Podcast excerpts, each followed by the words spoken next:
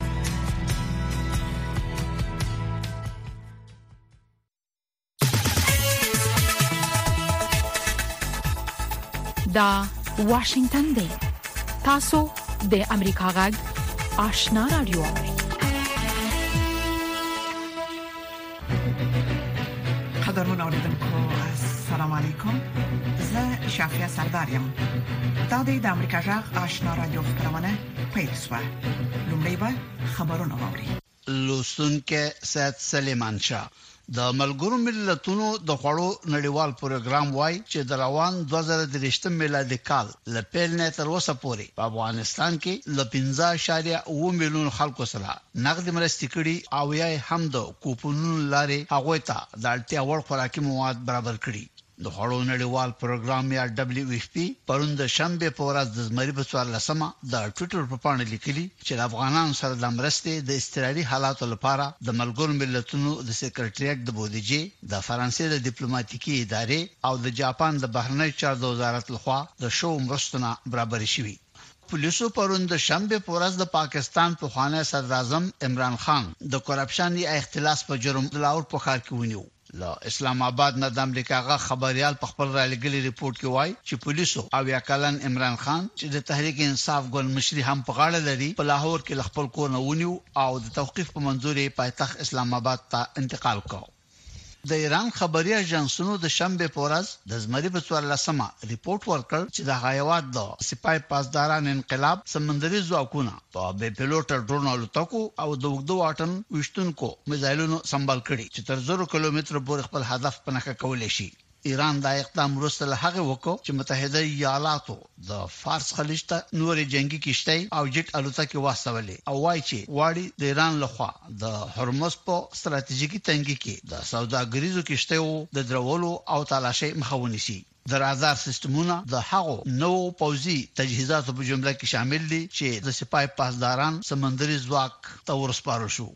د اسوشیټډ پریس خبري اژانس رپوټ ورکړ چې د افریقایي هېواد نیجیر پوځي جنټا هر ډول بهرني پوځي ګواښ سره د مقابلې لپاره د روسیې د کرایه عسکرو د وسلوالې ډلې واګنر ګروپ نه د مرستې غوښتنه کړې. پوځ د واګنر د ډلې نه د مرستې خواست په داسې حال کې کړی چې د لوېدیځې افریقا سیمه ییز اقتصادي بلاک، نن د یکشنبې د ورځې پورې د نیجیر پوځیانو ته مهلت ورکړی، د هغه هېواد جمهور رئیس محمد باعزون چې د پوځیانو سره په توقیف کې دی، برحاله کړي. د لویدیځې افریقا اقتصادي ټولنې ایکواس خبرداری ورکړی، که کودتاچیانو یې دا غوښتنه ونه منله، خپل عسکر به د نیجیر پایتخت نیامي ته واستوي. په عین وخت کې ملګرو ملتونو په افریقایې هېواد یوګندا کې د بشري حقوقو د عملیاتو د پای ته رسولو اعلان وکړ. د ملګرو ملتونو د بشري حقوقو د شورا عالي کمېشنر ولکر ترک د شنبې په ورځ په یوه مطبوعاتي بیانیه کې ویل چې د اتلس کالو فعالیت وروسته په یوګندا کې د ملګرو ملتونو د بشري حقوقو دفتر پر تړلو افسوس کوي.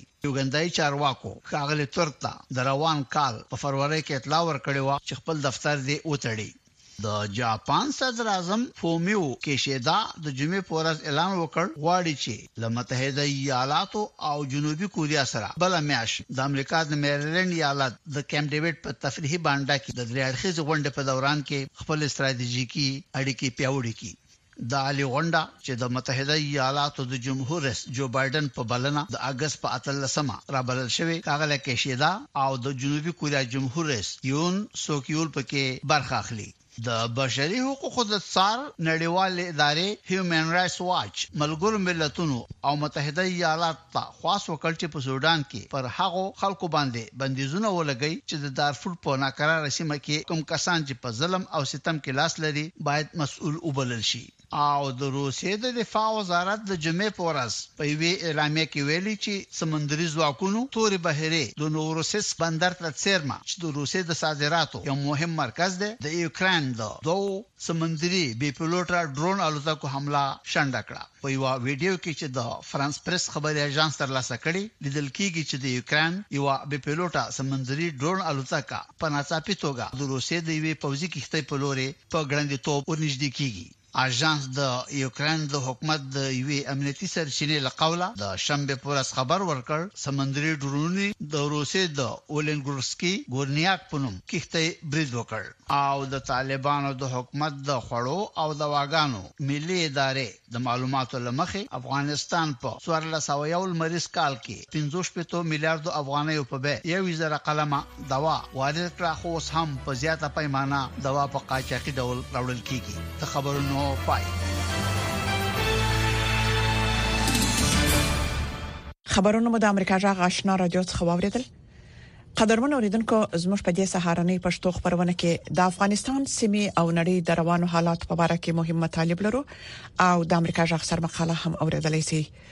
خو لومړی به دا رپورت واوري چې د طالبانو د حکومت د خوړو او درملو ملي اداره وایي چې په تیر 1401 کال کې افغانستان ته د څه باندې 15 میلیارډ افغانیو په ارزښت درمل وارد شوی و دا اداره وایي چې هوا ته د کم کیفیت درملو د واردولو د مخنیوي لپاره د درملو واردولو په برخه کې شرایط یو څه سخت کړي دي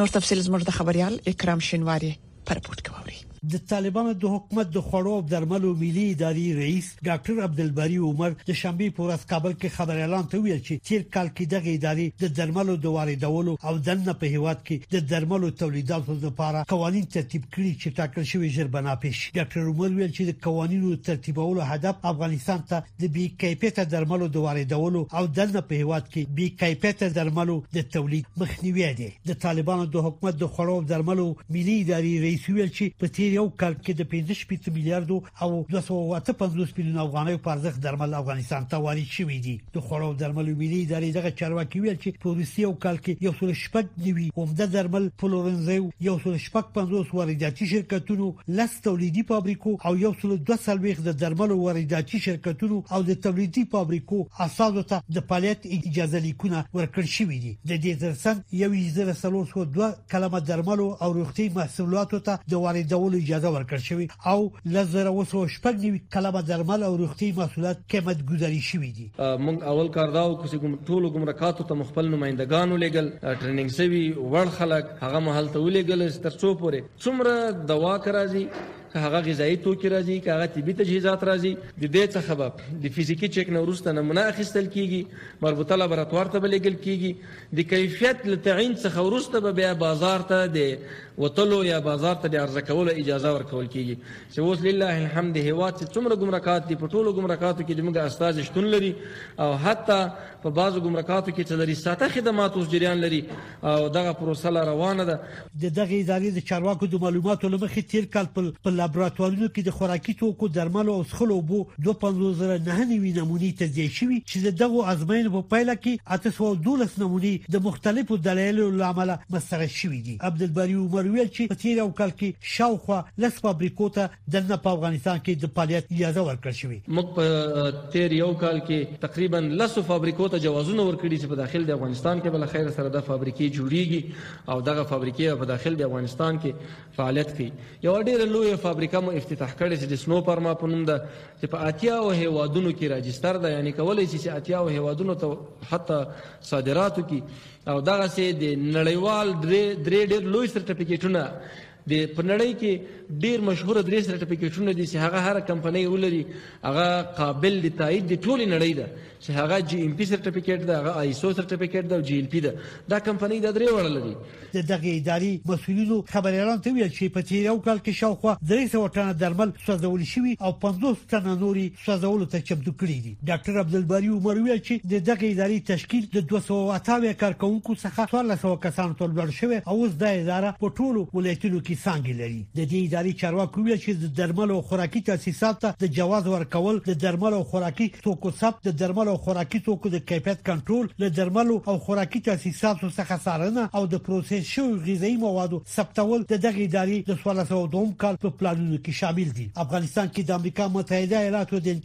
شاپ د نړیوالې ادارې یو اس ای ډي د څو کلونو وړاندې یوې سروې کې ویل شوي وو چې افغانان هر کال په بهرنیو هیوادو کې په روغتي خدمتونو باندې شاوخوا څلور سوه میلیونه ډالره مصرفوي که څه هم په تیرو کلونو کې په افغانستان کې واک ته طالبانو د بیا رسیدو وروسته افغانانو ته د ایران او پاکستان پرته د سیمې نورو هیوادو ته د درملنې لپاره د سفر ویزې نه ورکول کیږي خو بیا هم زیات شمیر شتمن افغانان د ورړ ستونزو په ګاللو او د زیاتو پیسو په ورکولو د سیمې د هیوادونو په ځانګړي ډول ترکیې ته د درملنې لپاره ځي. انتظار پای ته ورسید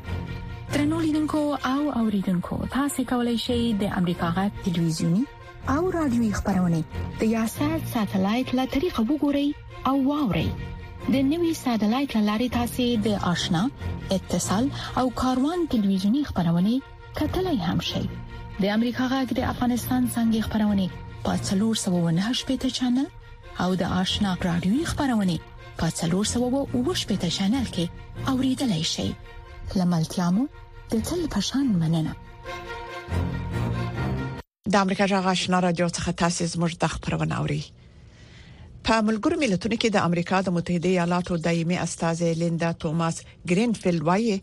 موږ به تر هغه د طالبانو حکومت پر رسمیت ونه پیژنو او خپل فشارونو ته به دوام ورکړو څو طالبان د میرمنو په اړه خپل دریځ بدل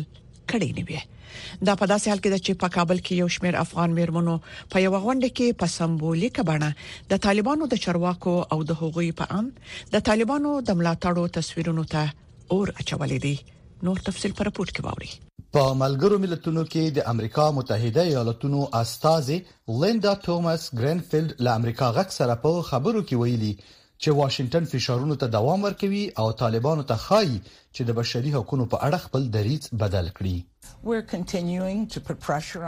موږ به تر هغې خپلو فشارونو ته دوام ورکړو څو طالبان د بشري حقونو او میرمنو حقونو په اړه خپل دریځ نه وي بدل کړي. موږ به تر هغې دوی په رسمیت ونه پیژنو ترڅو طالبان په دې اړه خپله وړتیا ښکاره نه کړي. موږ د یو داسې نړۍ تصور نه شو کولی چیرته چې افغان میرمنې او نجونې له کار او زده کړو محرومې وي. د چارو کارپوهان په دې باور دي چې پر طالبانو شته فشارونه ګټه نه لري او اړینه ده چې د ملګرو ملتونو د امنیت شورا کې په دې اړه کوټلي ګامونه پورته شي. نړیوال هم لکه د امریکا استازی په ملګرو ملتو کې خپل ملګرو ملتو غږ پورته کوي چې باید فشارونه وده شي په طالبانو باندې دا فایده نه کوي تر هغه چې ملګرو ملتو د امنیت شورا یا پریکړه ونه کړي مطابق د پنځم فصل دوه څلوېښتمې مادې د منشور چې د غړي هېوادو باندې دا پریکړه مورد اجرا وي او طالبان مجبور سي چې دغه تغییرات راولي اصلاحات راولي او یا دا داسې نړیوال راز چې له طالبانو سره واقعا نرمه ژبه باندې تعامل وکړي او دوی ته قناعت ورکړي تر څو دغه ستونزه حل شي نه به ترکمنستان نه نه به لوبیان طالب له بلې خوا په یو نامعلوم ځای کې یې یو اعتراضي خوځښت چې غړي یې میرمنې دي په سمبولیکه بڼه د طالبانو چارواکو او د هغوی په اند د طالبانو د ملاتړو په تصویرونو باندې خط کش کړی او ورته یې اور اچولی دی دغو معترضو مېرمنو د بندو دروازو شاته په یو غونډه کې ویلي چې افغان مېرمنې نه یوازې دا چې د طالبانو سره په هیڅ ډول شرایطو کې خبرو ته چمتو نه دي بلکې د طالبانو په رسمیت پیژندلو سره هم مخالف دي او د دغه ډلې د منځه وړلو غوښتنه کوي. ملا هیبت الله تو ای موجود نامعری مجهول هلویه چرا جرات آشکار شدن در انظار عمومی را نداری مگر مقام تو بالاتر از مقام خلفای راشدین است و رویت کدام آیه قرآن و احادیث مبارکه مانع حق تاثیر کار و آزادی زنان کشور میشوی لینا امیری در طول مدت زمانی که در سازمان ملل وظیفه داری هیچگاه برای زنان و محروم کشور کاری نکرده برعکس تو به کدام حق و گفتار اخیر خودت در نشست دوها خواهان تعامل با طالبان تروریست شده ای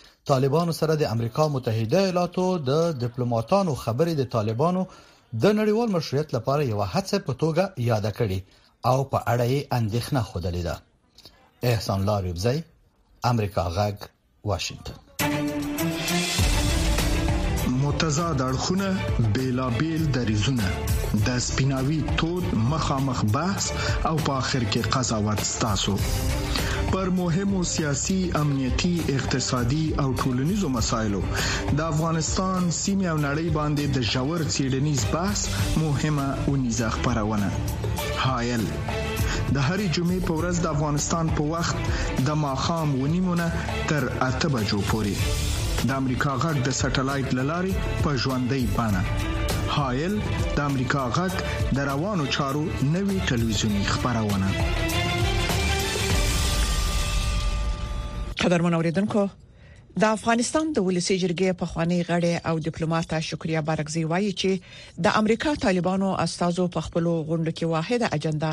نه درلوده مېرمن بارکزۍ زموږ له همکاري سمیع الله جلالزی سره د یوې مرکې په ترڅ کې ویلي چې امریکا ملګری ملتونه د افغان ولس لپاره له طالبانو سره تعامل ساتي تاسو هم په جریان کې چې دغه په تیرو دوو کلونو کې د طالبانو او د امریکایي هیئت یا د امریکایي پلاوي ترمنځ په منظم شکل په ورو دریو څلورو میاشتو کې غونډه کیږي اما دغه غونډې دغه ملاقاتونه د دې لامل نه دي سوي چې په افغانستان کې وضعیت بدل کړي په خاص ډول په خزو او میرمنو باندې فشارونه تاسو دغه ملاقاتونه په مجموع کې څومره مهم بولئ زه فکر کوم کوم ملاقاتونه چې د امریکایي پلاوي او طالبانو په مابین کې وشوله اول خو د دوی د بیان چې دواړه خواوې میډیا سره مرکه وکړلې ښکار کوي چې حتی دوی یو متفق او واحد اجندا د خبرو لپاره نه درلوده امریکا پلاوی ویل چې زموږ لپاره د خزو حقوق بشر حقوق او په افغانستان کې یو قانونمند نظام جوړیدل خبري مسایل مطرح دي او طالبانو ویل چې موږ غواړو چې د افغانستان شمن شتمنۍ چې کنګل شوی هغه د رافشي تعزیرات د رافشي او طالبانو حکومت په رسمیت کې وپیژندل سي او سفارتخانه بیرته فعال شي نو تاسو ګوري چې ته د دې دوه خبرو په مابینس کې یو واحد موضوع هم مسله هم مطرح نشوله او سربېره پر دې زه فکر نکوم چې دا خالي دوه کالې دوه کال مخکې هم امریکا طالبانو سره خبرې کړې وي د دوحې موافقت نامه وه حد اقل که هیڅ شی نه طالبان د دوحې موافقت نامې د تر لاسه کولو لپاره نن افغانستان کې حاکم دی د هغې موافقت نامې د مواد د پلي کیدو لپاره باید طالبان د خپل کړنو نه چې په افغانستان کې کوي مسئول وګڼل شي او دوی باید ځان افغانستان خلکو ته نړیوال ټولنې ته حساب دی وګڼي ځکه چې په دغه رقم باندې چې دوی نن سبا یو خو یو طرف ته نه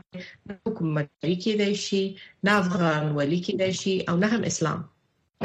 یعنی ظاهرا خو لکه څنګه چې تاسو ول دا اعلامیو کې هم دوه متفاوت موضوعات یادېدل د دواړو طرفونو ترمنځ دوستاسي په نظر اصلي کیسه څه ده آیا دواړه طرفونه په خپل کې هغه موارد چې دوی خوخي یا دوی لازم بولي په هغو مواردو کار کوي او دغه قصې چې یادې نتیجه هم نه دا ورکړي نو تاسو دغه قصه څنګه ارزوي په مجموع کې زما په نظر او زما په فکر باندې طالبان هم غواړي دنیا سره د رسمیت پیژندو په اړه باندې ډیر ونه غږیږي ځکه دوی لپاره ډیر خوشایند خبر نه ده ځکه طالبان بیچاره خپل ځان هم یو تعریف نه لري چې دوی څه رقم نظام دی قانون اساسي څه شی ده خارجي سیاست یې څه رقم ده اقتصادي وضعیت څنګه دی او راتلونکي نظام به څه رقم یعنی په دې باندې هیڅ اصلا دوی نه غواړي څو غږیږي نو څنګه دنیا دوی په رسمیت وپیژني یو چاته چې حتی د خپل ځان تعریف نه لري او اخوا ته دنیا هم په دې باندې ډیر نه غواړي چې د فشار نه کار واخلي هغه بین المللي پرنسيپ او نورمون نه کار واخلي چې طالبان دې ته پړ کې چې د افغانستان د خلکو حقوق دې تامین شي دنه په افغانستان کې دا متاسفانه د او د کم نوو تعامل چې نن سبا روان ده خارجيان مخصوصاً امریکا او سازمان ملل نور ادارې وايي چې دا د افغانستان د خلکو سره او د هغوی د حمایت لپاره ده یعنی دلته طالبان د یو وسیلې په صفت باندې کارول کیږي چې دوی صرف واکمن دي او دغه واک په خاطر باندې نړیوال غواړي دوی سره خبرې اترې ولري او که چېرته دغه خبرې اترې نه وي خو بيا طالبان هم خپل واکمني نه شي غځولای هېر هم نه شي چې طالبان سربېره پر دې چې بشري مرستې تر لاسه کوي بغیر له هغې نه هم د سیګار په حواله باندې تر اته بلین ډالر اضافه دوی ته ورکړل شوې ده ستا خپل هم یو ډیر ستر رقم دی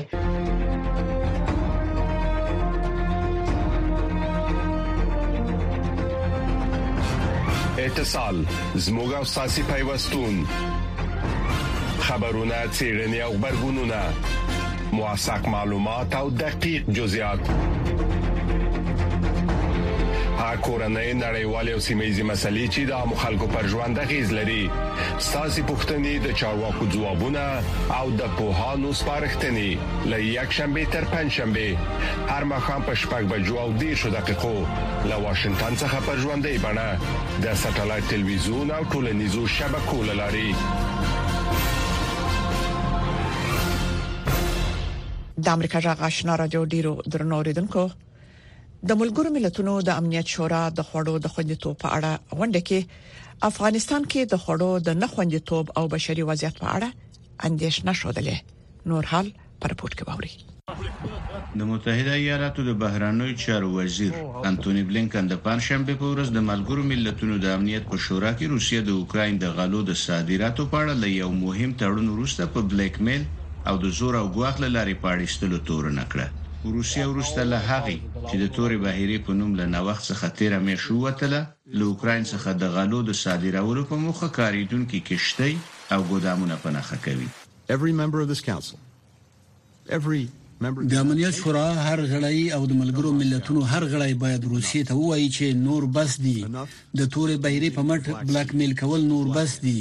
د نړۍ د تر ټولو زیانمنوونکو خلکو څخه د یو وسیلې په توګه ګټه اخیستل نور بس دي دا جګړه چې توجیه کېدای نشي او پر شعور هم بنا نه ده نور بس دي د خوندي کولو د نړیوالې کمېټې، IRC، مشر ډېوېډ مېلیبنډ د امنیت شورا ته ویلي چې په دې اړه چې نن جګړه د لوږې لومړنی لامل دی، د نظر یووالی موجود دی او د اقلیم تغییر دغه لوږه لا پسې زیاتوي. مونږ داسې هیوادونه هم پیژنو هره ارزونه کې ورته هیوادونه موجود دي افغانستان یمن نایجریا جنوبي سودان سودان بورکینا پاسو مالي هیتي دې څیړنو کې کوم اختلاف نشته. دا تړون چې د دوه زره دوه ویشت په جولای کې د ترکیې او ملګرو ملتونو په منځګړتوب د اوکراین او روسیې ترمنځ لاسلیک شو، موخه یې د جګړې سره سره د نړۍ کاري بازارونو ته د اوکراین د غلو د لاسرسي تضمینول او په نړۍ کې د قحطۍ د خطر کمول دي. د امریکا د بهرنیو چارو وزیر هغه قرارداد چې په نړیواله کچه یې خلک په لوږه کې ساتل د جنګي جرم په نوم یاد کړي و، ته هم اشاره وکړه. د امریکا په ګډون شاوخوا پنځوسو هېوادونو له له وړاندې څخه یوه نوې اعلامیه تدوین او ووېشله چې موخه یې د قحطۍ، لوږې او له خوراکي موادو څخه د وسیلې په توګه کارولو ته د پای ټکی ایښودلو ته ژمنتیا ده. له لوږې باید د وسیلې په توګه ګټه وانخیستل شي. زه له ټولو غړو هېوادونو څخه په دغه اعلامیه کې د برخې اخیستلو غوښتنه کوم.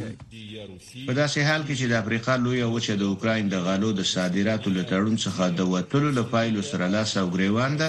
د روسیې ولسمشر تېره میاشت د افریقايي مشرانو کوربه و. ولادیمیر پوتین افریقايي مشرانو ته د دې خبرې چې روسیه د دوی له ستونزو خبره ده او افریقا ته د وړیا غلې لېږلو ته چمتو دی، د اطمینان ورکولو هڅه وکړه د ملګروملتونو پوهان د لوږې په اړه په بحث کې دې پایلې ته رسېدلي، چې د نړۍ په بېلابېلو سیمو کې خلکو ته د ژوندي پاتې کېدو لپاره د غلو رسېدلو په لار کې ستونزه د غلې کمبود نه، بلکې د غیر ضروري لانجو له امله د غلو د صادراتو د مخنیوي له امله رامنځته شوې. طالبانو د افغانستان له دننه د امریکا غاټ راډیو خبرونه درولې دي خو امریکا غاټ په پوره شمنتیا خپل افغان اوریدونکو ته په پښتو او دری ژبه د کره باوري او هررخیزو خبرونو په خبرولو د افغانستان له بهره په نهه سوه دوه اویا کیلو هرتز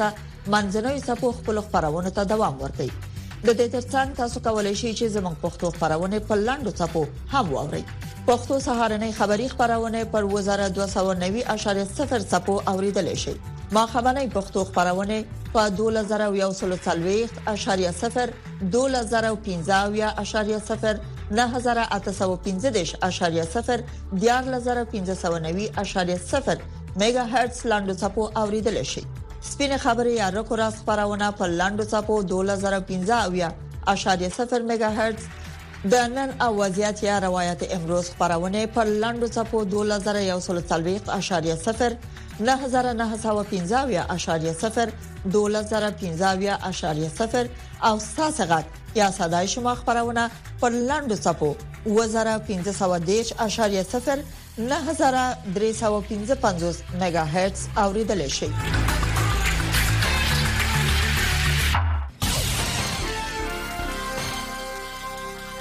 درنو اوریدونکو دا د امریکا غږ سر مقاله ده چې د امریکا د حکومت نظر څرګندوي روسیه د جولای د میاشتې په ولسمه نیټه د توري بهيري د غلي په پروګرام کې خپل ونډه اخیستنه وزندوله د ترکیه او ملګرو ملتونو په منځګړیتوب د اوکران او روسیې ترمنځ یو موافقه شوې و چې کشتیو ته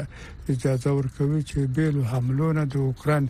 بندرونو ته ننوځي او ورنوځي دا په درسته نړۍ کې په ملیونو خلکو د خوړو د بې سابقه ناخوندیتوب سره مخامخ کوي ځینې اشاره ورکوي د یو اس ای آی ډي چارسمبال سمانتا پاور ویلي د دغې پرېکړې بشري عواقب چې د نړۍ په ډېرو بې وزلو خلکو باندې خواړه بند کړي، تباه کوونکي دي.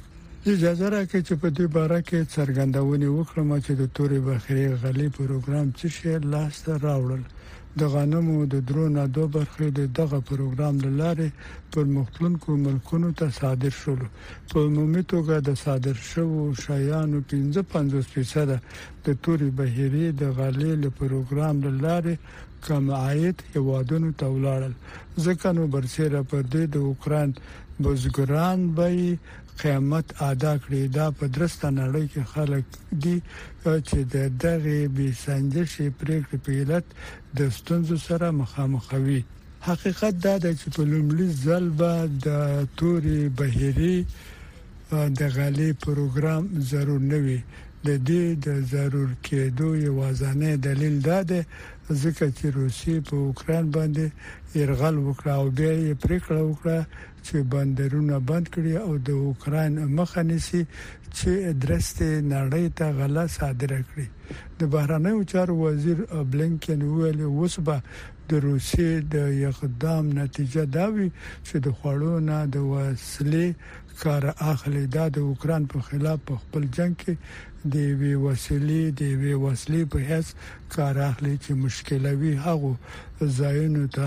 خواړه ورسیږي چې په خورا کلکه توګه ورته